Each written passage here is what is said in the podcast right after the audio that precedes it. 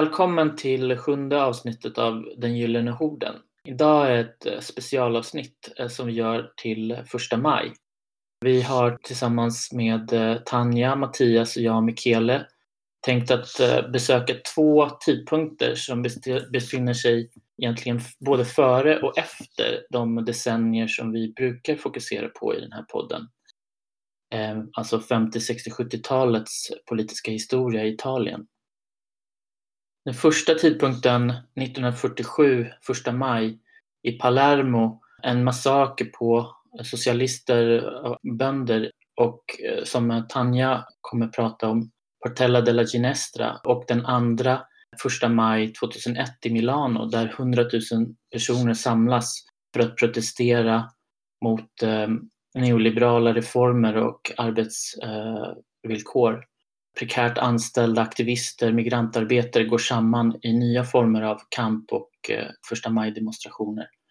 Vi börjar med 1947, första maj och Portella della Ginestra och massakern där. Jag tänker, eh, Tanja, vill du berätta lite om, om den här tidpunkten? Vad hände? Man kanske först måste säga då att eh, 1947 har två år gått sedan Italien har befriat eller befriat sig från det fascistiska oket. Det är ett land där hoppet genomsyrar de stora folkmassorna. Man har mm. pratat mm. länge om en jordbruksreform som ska komma till stånd och de fattiga, både i norra Italien men i synnerhet i det södra Italien, ser fram emot valen 1948 då man för första gången kan rösta på demokratiskt och alla har rösträtt. Så tidigt på morgonen den första maj börjar bönder och arbetare röra sig mot den historiska mötesplatsen för Palermos arbetarrörelse som är uppe i bergen vid Portella della Ginestra. Man ska fira, man ska fira första maj som är arbetarnas dag och man ska fira en historisk valseger som är det att den koalition som ser kommunistpartiet och socialistpartiet tillsammans har vunnit på regional nivå den 20 april. Så stegen och möjligheterna för dem att äntligen, äntligen få till den här reformen är stora. Och man hoppas ju att den här segern på Sicilien, som är en av de mest befolkade regionerna i Italien, ska visa vägen för Fronte Popolare, som är då vänsterkoalitionen, nationella vänsterkoalitionen, och leda dem till en seger på nationell nivå 48. Så vänstern har blivit ganska stark vid det här laget i söder? Ja, man kan säga att på ett helt nytt sätt efter kriget så talar vänstern böndernas språk. Mm. Under fascismen har jätteviktiga dirigenter av kommunistpartiet som är kopplade till södra Italien vuxit sig starka i samtalet med bönderna. Jag tänker på Di Vittorio eh, till exempel som nu är en, eh, en av de viktigaste medlemmarna i kommunistpartiet. Men jag tänker också på Licausi, just på Sicilien, som är sekreterare för kommunistpartiet där och som är jättetydlig med att nu gäller det, nu måste vi få igenom jordbruksreformen. Och de har bra lokal närvaro va? i små städer och byar och sådär. Ja. Partikontor och möten. Och, så det är ganska många som samlas till den här första maj-demonstrationen. Det är nästan 2000 personer och det är ju många kvinnor och jättemånga barn. Det finns bilder från demonstrationen och det är faktiskt en stor folkmassa som samlas. En stor folkmassa för att vara utan, utif utanför staden, en stor folkmassa för att vara på Sicilien och på den tiden. Det börjar med talarna börjar prata och helt plötsligt så hör man bara ljudet av en kulspruta. Efter det så är det kaos och elva personer dör på plats. Många fler skadas och flera kommer att dö de följande dagarna. Totalt 15 personer avlider och bland dem är tre barn. Och man vet inte vem som har skjutit. Salvatore Giuliano som är en bandit, han är inte en mafioso enligt, enligt det man vet. Han är inte personligen mafioso. Troligen är hans andra man, Gaspare Pisciotta, en mafioso. Men han har, har ingen direkt personlig koppling till maffian och han tar på sig det här massaken. Han tar på sig den massaken och han tar på sig bomber som senare kommer att drabba olika partilokaler och fackföreningslokaler på Sicilien. Men det som blir tydligt omedelbart är att det finns en medvetenhet om att det är inte banditen Giuliano som gör det här ensam. Han agerar inte ensam. Och redan Carabinieri i telegrammet direkt efter skriver att ja, men det här är en koppling, det här är en politisk matris och det finns eh, tydliga kopplingar med konservativa politiska grupper, jordägare och maffian. Och det är också för att man har ju hotat demonstrationen och personerna som gick till demonstrationen samma dag. Man har, hela valkampanjen har varit kantrad av terrorattentat och skjutningar mot eh, kommunister och socialister, fackligt aktiva. Så det är ju jättetydligt att de konservativa partierna ställer sig bakom det som har hänt, att man inte är rädd för att ta till vapen mot den kommunistiska faran som man har uttryckt det under olika politiska debatter och så. Vad är man rädd för om man ska konkretisera? ja, man, man, kan säga så här att på ett sätt så är man ju rädd för att kommunisterna ska vinna på nationell nivå valet och att Italien ska ta ställning med Sovjetunionen och bryta då Jalta-avtalet som har ju sagt att Italien ska istället tillhöra västblocket istället. Så det är en väldigt konkret rädsla från politiska och militära ledningar. Och, och man vet ju att Italien har en Gladio, en Stand Behave organisation som är aktiv från första början. Och man vet att maffian spelar en stor roll i den organisationen. Heller kopplingen med maffian är väldigt starka i den organisationen.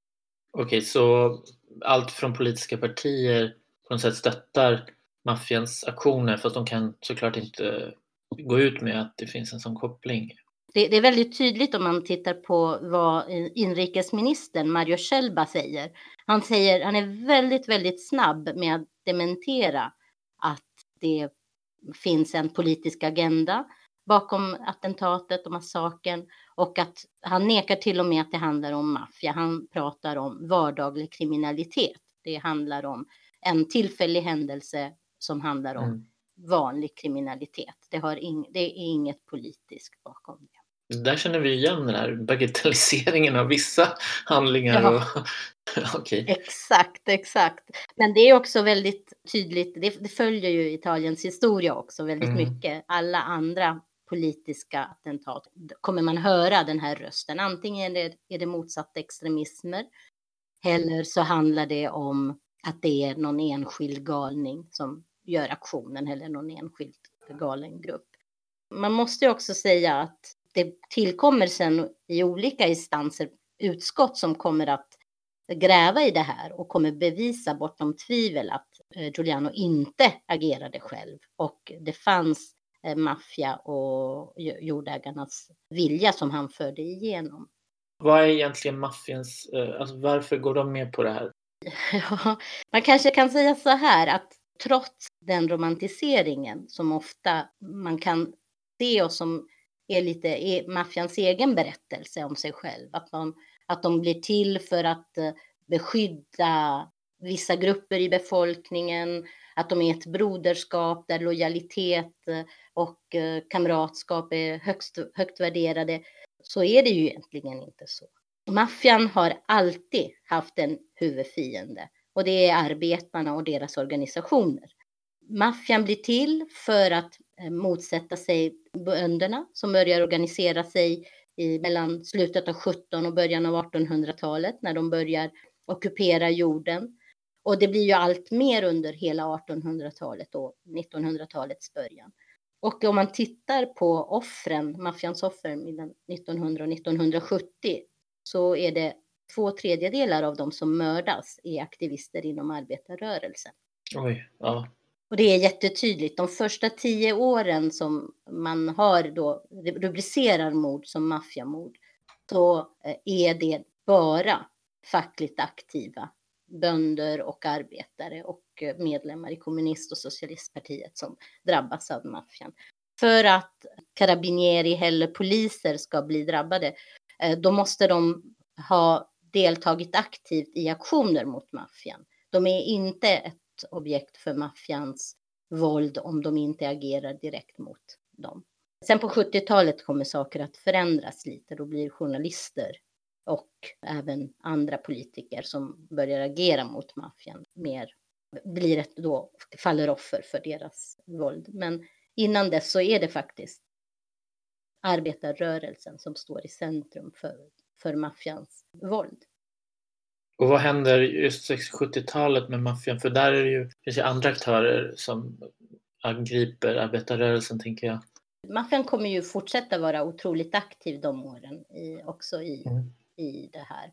Man kan tänka sig att, de, att man aktiverar sig på olika sätt i olika sammanhang. Så att i norra Italien eller på, den, på halvön Italien så är det väldigt mycket fascism som stöttas. Man stöttar olika fascistiska grupper och så. Men på Sicilien behöver man inte det, för där har man ju maffian. Och det mm. är en garanti.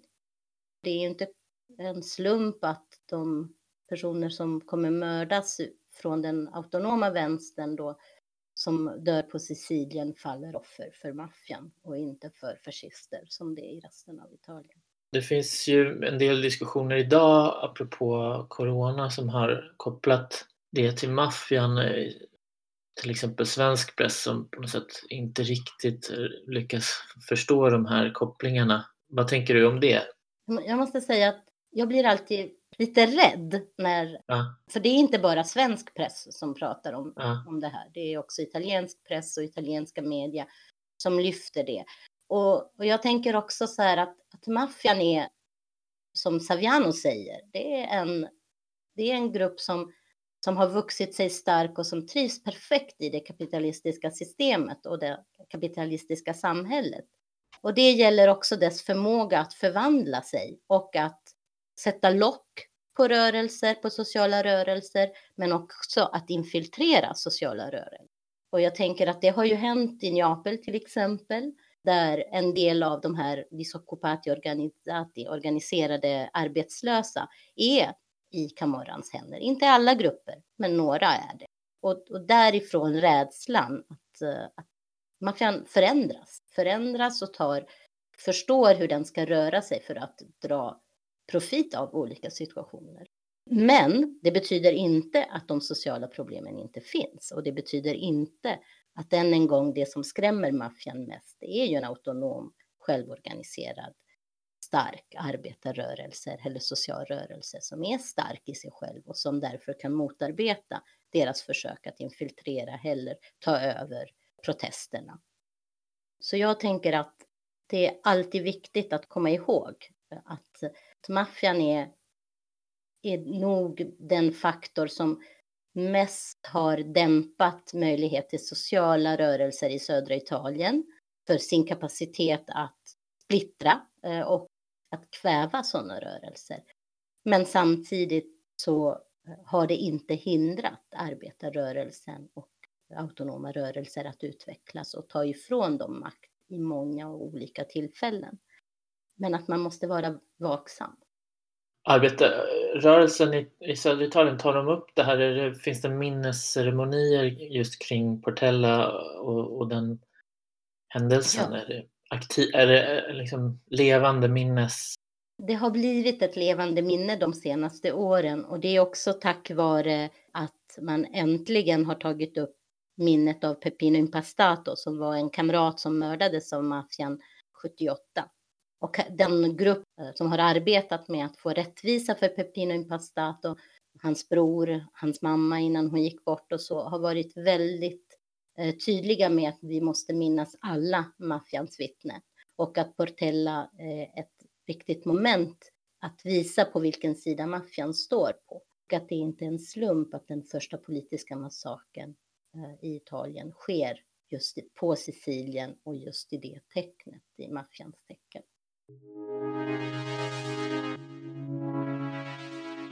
I nästa lilla moment i Prata första maj Italien, då tänkte vi ta upp eh, Euro Mayday som eh, startade i Milano 2001.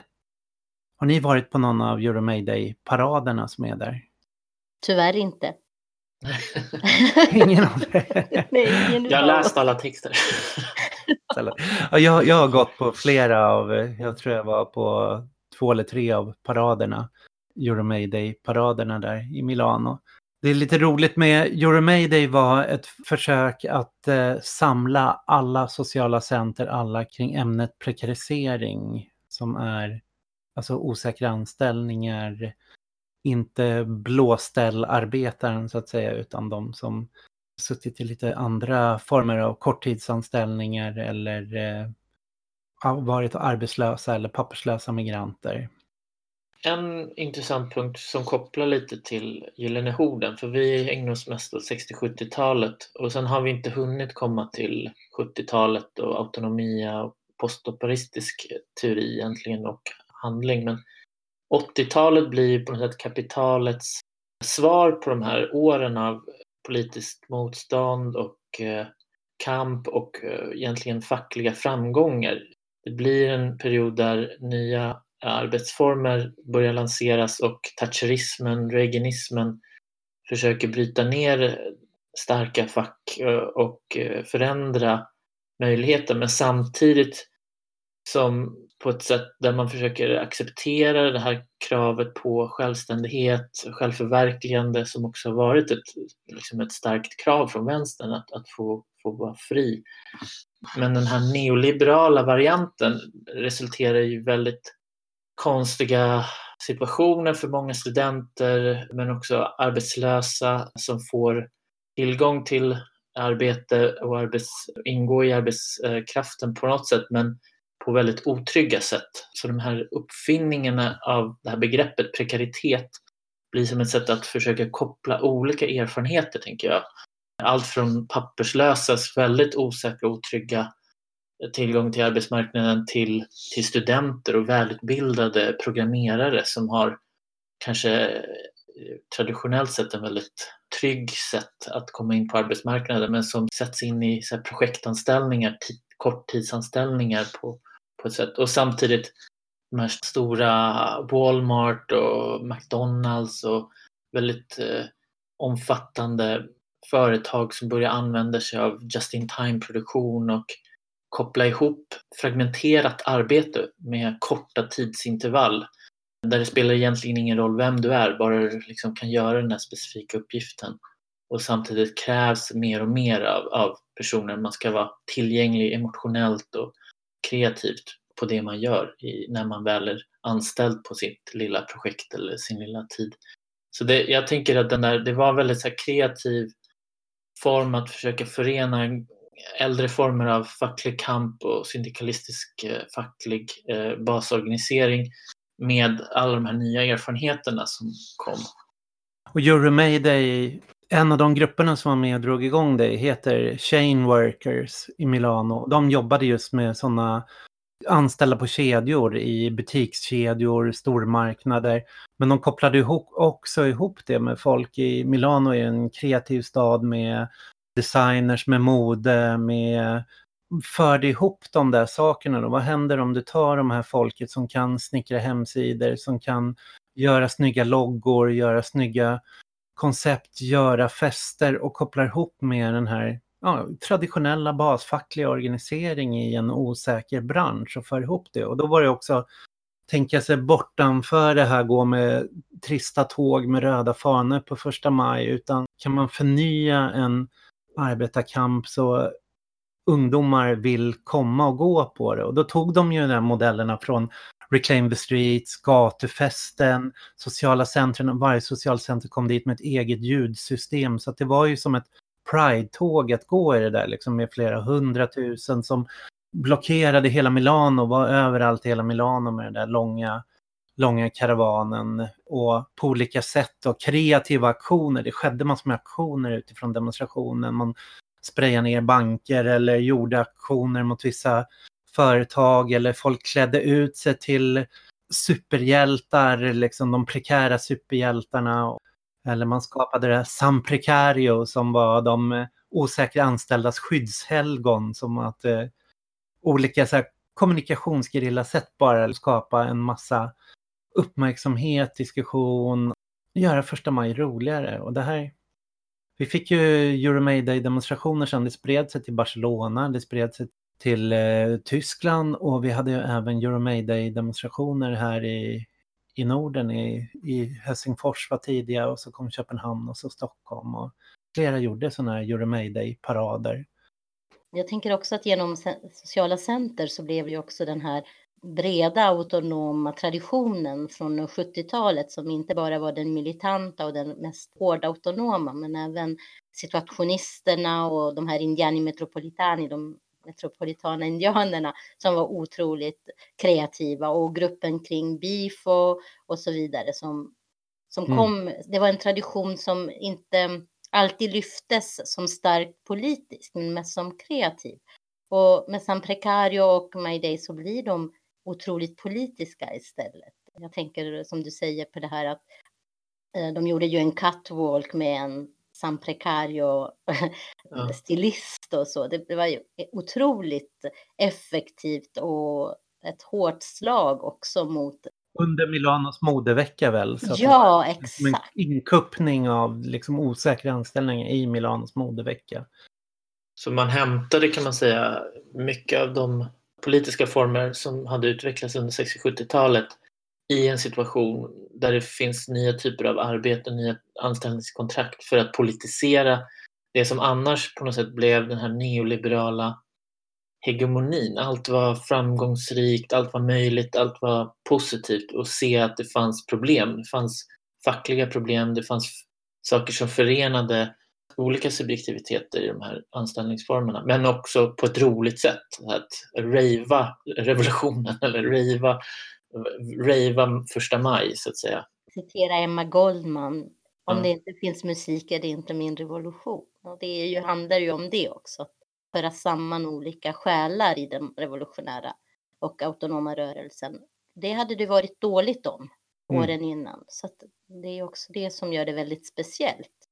Man kan ju säga att det här blev 00-talets samlande kampform för de radikala mm vänstern och sociala centren i Italien. Och det, det, jag var där både och såg de här stora demonstrationerna i början men också hur det blev slagsmål mellan sociala center på några av de här demonstrationerna om hur man, vissa ville höja militansnivån utifrån det där, andra ville hålla det som en folkfest och några tyckte att det här är bara precis som diskussionen är kring Pride, att det här har bara gjort det till en stor gatfest. Vet folk som kommer verkligen ens vad de deltar i? Och man kan säga ett sånt här försök att politisera eller höja radikaliteten slog också tillbaks väldigt hårt och det var när man försökte ta det här till Rom, hela det här med San Precario och göra en sån här autoreduktionskampanj eller att man gick in Spesa Proletaria, man försökte gå in i ett varuhus och bara betala ett politiskt pris. Och det här gjorde man i Rom, så man gjorde den här stora aktionen där man under alla helgon och helgen samlade alla, gick in, plockade på sig böcker och folk gick ut med böckerna och gav, la bara några kronor eller la vad de kände för och att ja, men som osäkra kan vi inte betala hela priset. Men där polisen också slog till väldigt hårt på det här och började rättegångar och en repression mot flera drivande sociala centeraktivister och säga att men det här var väpnat rån. Så här, bara, ja, men det var fredligt icke-våld och vi betalade ju delvis. Så här, bara, men antalet var vapnet så att det, det som man gick in och rånade med var mängden. Och där kan man säga blev lite Euromayday och det här slut. Och sen kom något helt annat med studentockupationer och så efter det istället. En annan rörelse. Jag tror en eh, intressant sak som jag insåg är ju att det här är ju innan Youtube och Facebook och sociala media så det är någonting som har hänt sedan dess. Det här är också fildelningstiden, nya sätt att producera på, nya sätt att umgås på. Mycket är fortfarande möjligt. Det har inte, 2008s finanskris har inte hänt ännu, men eh, man ser fortfarande möjligheter, de här nya sätten att samlas på och vara tillsammans på. Det, det digitala internet ses som en politisk radikal möjlighet att förena och inte bara eh, bli exploaterad genom. Men eh, första maj 2001, Milano, samlade ju jättemycket, var det 100 000 personer? Och det var ju året efter Genova, va? Det är ju innan. Det är ju ja, det är maj 2001 och Genova är juli 2001. Just det, så det var den.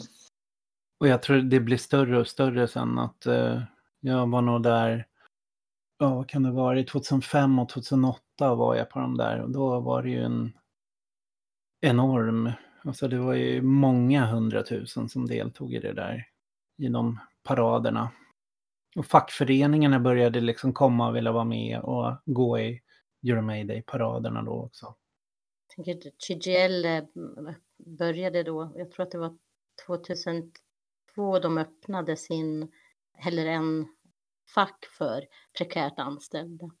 Innan dess hade man ju inte lyft det på en facklig nivå. Men det, det har ju länge varit det enda facket, om man utesluter då såklart självorganiserade fack som KOBAS och, och liknande. Tack för det här eh, specialavsnittet. Två första maj under första maj 2020. Kampen fortsätter. Vi hörs. Hörs. Hörs, tack.